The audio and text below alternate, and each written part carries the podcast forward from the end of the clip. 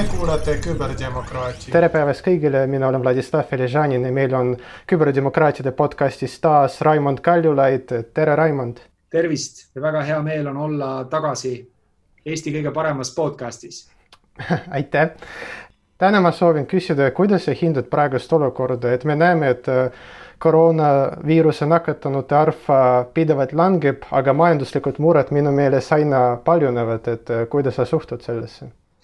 Nii ongi ja, et äh, kui me räägime sellest äh, nii-öelda viiruse kõverast, siis äh, me oleme ühiskonnana ja riigina kindlasti toime tulnud sellega, et me oleme saanud selle, hoidnud ära selle, et Eestis toimuks siis selline väga kiire ja plahvatuslik haigestunute arvu kasv. oleme hoidnud ära selle, et meie tervishoiusüsteem on pidanud hästi vastu ja, ja tegelikult me oleme saanud nüüd alustada juba ka plaanilise raviga. ja kindlasti on neid, kes ütlevadki, et, et näed, et ei olnudki midagi hullu, aga tegelikult see, et midagi, midagi hullu ei juhtunud või midagi väga halba äh, ja katastroofilist ei juhtunud Eesti tervishoiusüsteemiga, on tänu sellele, et äh, ikkagi valdav enamus Eesti inimesi on omalt poolt selle nimel väga palju pidanud tegema või õigemini tegemata jätma mm. -hmm aga majandusolukord on tõepoolest äh, kasvavalt äh, murettekitav. kahjuks äh, on üha enam ettevõtteid teatab koondamistest, kahjuks väga kiiresti kasvab töötute inimeste arv. noh, võib arvata, et tegelikult ka neid, kelle sissetulekud on vähenenud, aga kellel on veel töö alles, neid on väga palju. On ettevõtteid, kes on juba täna väga suurtes raskustes ja kindlasti kahjuks osa neist ei tulegi välja sellest kriisist. ja me teame, et näiteks turismiga tegelevad ettevõtted on suures hädas. mitte ainult, ega tegelikult ka, ka tegelikult ürituste valdkond, meelelahutusvaldkond, ma arvan, et turundusettevõtetel on keeruline, kuna kriis tähendab alati seda, et tõmmatakse kokku, tõmmatakse kokku turunduseelarved, reklaamieelarved ja nii edasi ja nii edasi ja nii edasi. väga keeruline on praegu eksportida, ei ole võimalik ju käia üle piiri, ei ole võimalik kohtuda klientidega, ei ole võimalik teha müüki. nii et, et ütleme nii, et ma rääkisin äh, ühe Eesti juhtiva majandusanalüütikuga just siin mõni nädal tagasi ja koos tõdesime, et, et kui Eesti äh, majandus enne seda kriisi ei olnud ju kuidagi katki, et ta toimis tegelikult ju hästi. Et äh, ja võib-olla alguses oli selline optimism, et noh, et, et me oleme neliteist päeva või kuu aega kodus ja siis läheb kõik nagu tavaliselt edasi. et täna ikkagi tõenäoliselt on tekkinud selle kriisi tulemusel äh, tõsised probleemid. räägi mulle, Raimond, et mis tuge on riik pakkunud nendele inimestele, kes jäid ilma tööta või kes peavad kes jäid silmitsi siis tellimuste vähenemisega ja nii edasi ja nii edasi? No riik on omalt poolt äh, loomulikult teatud samme astunud, äh, selle üle võib vaielda, kas nad on piisavad, nad ei ole piisavad või kas nad olid õigeaegsed või nad ei olnud õigeaegsed. noh, minu arvates tehti liiga aeglaselt ehk siis äh, mm, selle asemel, et pakkuda sellist tõesti kiiret ja, ja, ja, ja ja võimalikult täpselt sihitud abi ettevõtetele. Tehti selline suur pakett, suured kobareelnõud, väga palju muudatusi, väga palju keerukust ja, ja nende menetlemisega siiamaani tegeletakse, et üle tegelikult Euroopa on nii palju näiteid sellest, kuidas teised riigid, teised linnad on märkimisväärselt kiiremini suutnud reageerida ja inimesi aidata aga loomulikult äh, teatud, äh, teatud abi on ja nüüd see hakkab ka ettevõteteni jõudma. Et, on tekkinud nüüd need täpsemad siis tingimused, kes ja mil viisil saab taotleda toetust. noh, osade ettevõtete jaoks see, see abi jääb hiljaks, osade ettevõtete jaoks kindlasti see aitab seda kriisi üle elada ma arvan, mis üldiselt on olnud hea asi ja mida oligi vaja teha, on see, mis puudutab palgatoetust, seda niinimetatud seitsmekümne protsendist mhm. palgaasendust ma arvan, et see oli õige otsus. Haiguspäevade hüvitamise suurendamine oli nagu samm õiges suunas, aga seda ei tehtud täielikult, sest tegelikult õige oleks nii, et see oleks, oleks siis esimesest päevast ja sealt edasi olekski, tasukski riik neid haiguspäevi.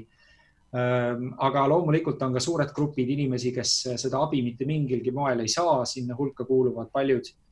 need inimesed, kes töötavad äh, mitte siis töölepingu, vaid mingi muu juriidilise alusega. Äh, FIE-de puhul on see toetamine siiamaani arusaamatu. kuidas see täpselt käib, mina ei ole sellest lõpuni aru saanud ja loomulikult osaühingute sellised ühe mehe ettevõtted, me oleme tegelikult rääkinud ju sisuliselt üheksakümnendatest peale, et hakka ettevõtjaks, tee enda ettevõte, oleme teinud selle hästi lihtsaks inimestele, oleme teinud maksude arvestamise nii lihtsaks, kui see on vähegi võimalik aga täna me tegelikult äh, selle osaühingu juhatuse liikmetele ütleme, et aga kui sul nii-öelda sinu ettevõttel on raskused ja, ja, ja siis sa ise oled süüdi, ise oled loll, et võtsid riski. ja, ja kusjuures see, see on tõesti osa suuremast trendist äh,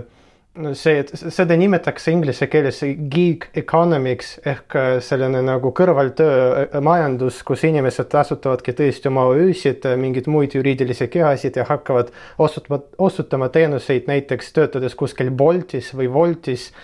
partneritena, mitte nimelt siis töötajatega, aga nüüd nad just selle nagu tööviisi populaarsuse lainel nad jäid ilma abita riigi poolt jah, eesti keeles jah, seda nimetatakse tööampsudeks ja, ja õige, noh, ütleme tegelikult see on eraldi üks terve suur probleem, et äh, mille me peame, mingis mõttes see kriis tegelikult täna äh, tõstab selle tähelepanu keskpunkti ja me peamegi sellest ühiskonnana rääkima, et kuidas me siis edasi läheme, sellepärast et nendel inimestel äh, on üldse vähem õigusi, kui on tavalisel töötajal, aga samal ajal nad tegelikult on tavalised töötajad ja siin tegelikult äh, tuleb väga tõsiselt äh, küsida ka seda, äh, kui eetiline ja kui õiglane on siis selliste ettevõtete tegevus oma töötajate suhtes. et kui me nii-öelda tavapärase töölepinguga töötava ettevõtte puhul tööandjalt eeldame väga paljusid asju, mis on seotud tööohutusega, mis on seotud töötajate õigustega, siis nii-öelda sellises juriidilises suhtes oleva puhul, eks ole, nagu tegelikult on ikkagi tegemist töötajaga selles mõttes, kui te tellite endale koju e-poest kaupa või, või tellime endale mõnest kohvikust või restoranist süüa, siis meie ukse taha tuleb inimene ja see inimene teeb päev otsa seda tööd, et ta viib teistele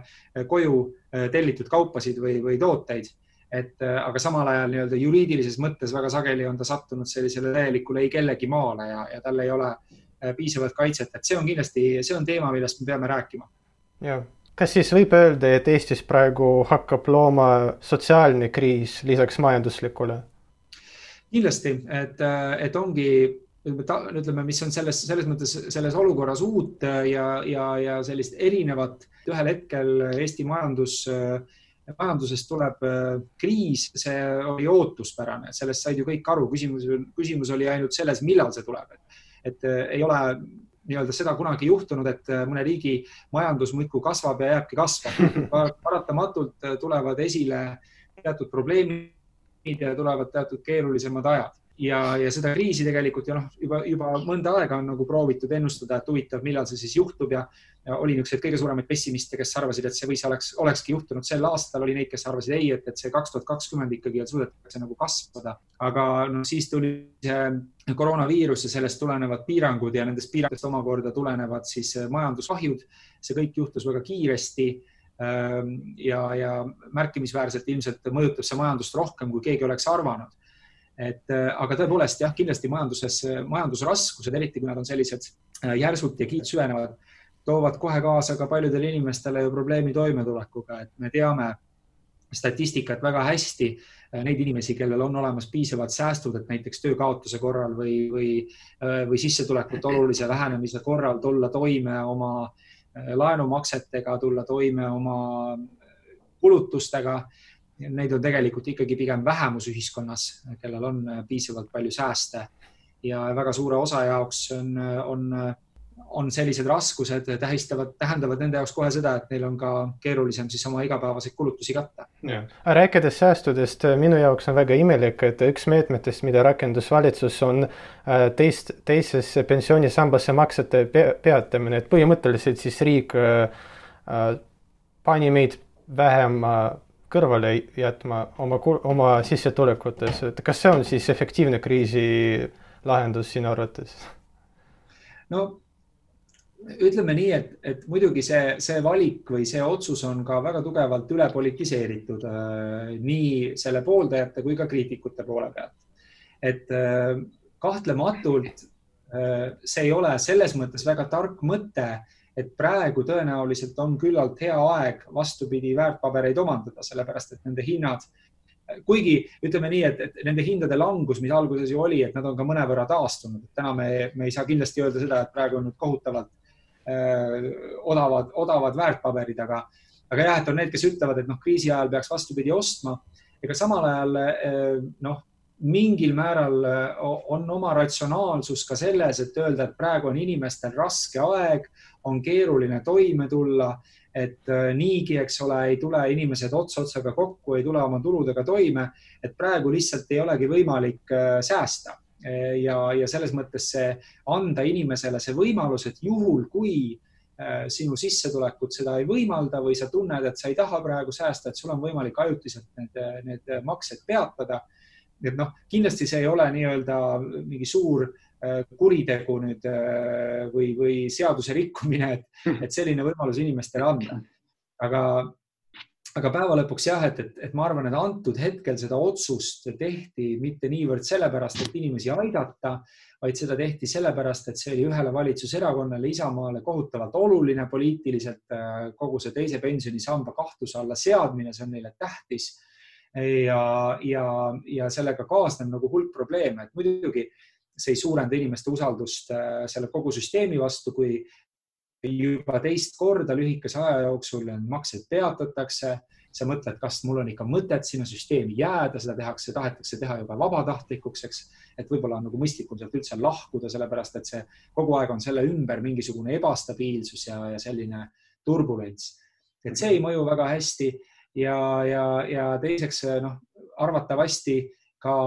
eh, seda nii-öelda oma makset teatab ka päris suur hulk selliseid inimesi, kellel võib-olla tegelikult ei ole vaja seda, neid makseid peatada, aga nad ikkagi teevad seda. Eh, ja selle tõttu nende pensionid on hiljem on väiksemad või, või siis või vastupidi, maksumaksja peab rohkem maksma nende pensione. nii et sellega kaasneb nagu hulk, hulk probleeme ja noh, millele on ka tähelepanu juhtinud minu mõned kolleegid Riigikogus on see, et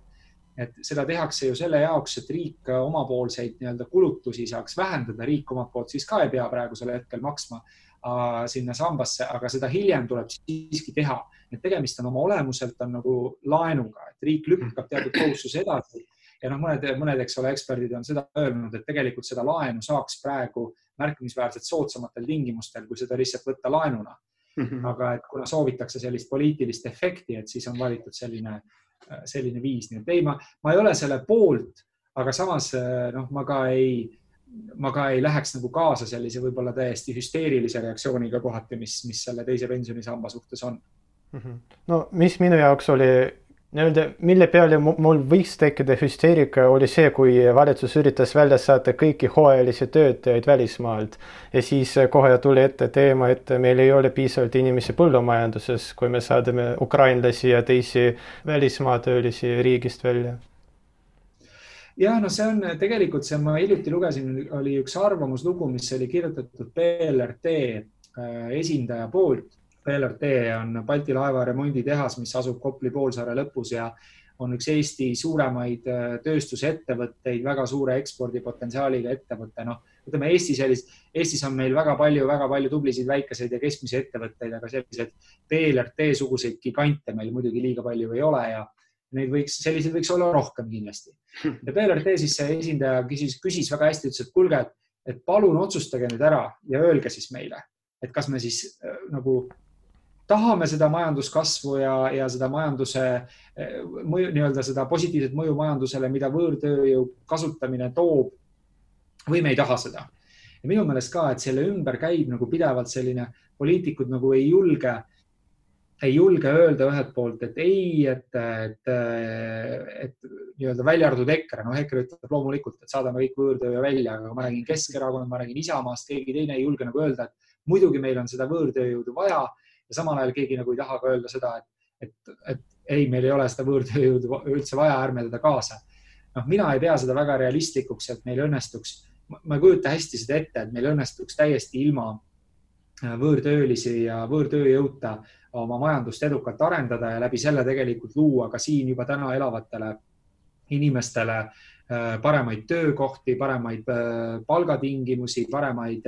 paremat elatustaset. noh, kui me vaatame, kuidas teised Põhjamaa riigid, näiteks Soome või, või Rootsi või Taani äh, või, või, või siis Lääne-Euroopa riigid, Inglismaa, Ühendkuningriik, Saksamaa, Prantsusmaa, kuidas nad on oma majandused kasvatanud nii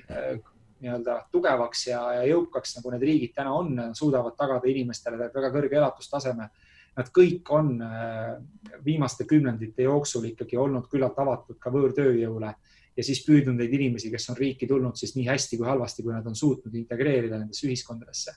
et see on jah, selline debatt, mis meil Eesti ühiskonnas on nagu pidamata ja,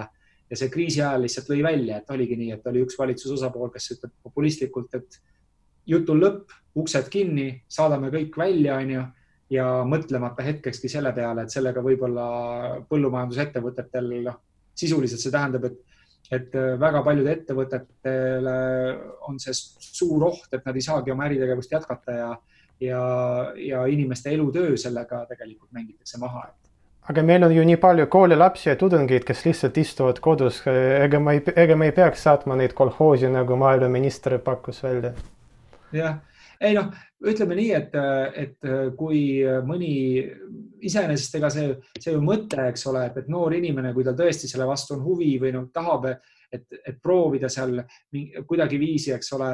suvel teha tööd, noh, mina ka, kui ma olin kui ma olin juba seal põhikoolis või olin keskkoolis, ma ka suvevaheaegadel tegin tööd ja sel ajal veel, ma ei tea, kas tänapäeval üldse tohib, aga ma olen töötanud ehitusel näiteks, olnud abiks, kuigi mul seal ei olnud mingit erikvalifikatsiooni selleks ja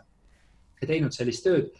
Aga no seda, et nüüd kohustuslikus korras saata kartulipõllule kahekümne esimesel sajandil äh, lapsed, et noh, see on ikkagi täielik idiootsus selles mõttes, et,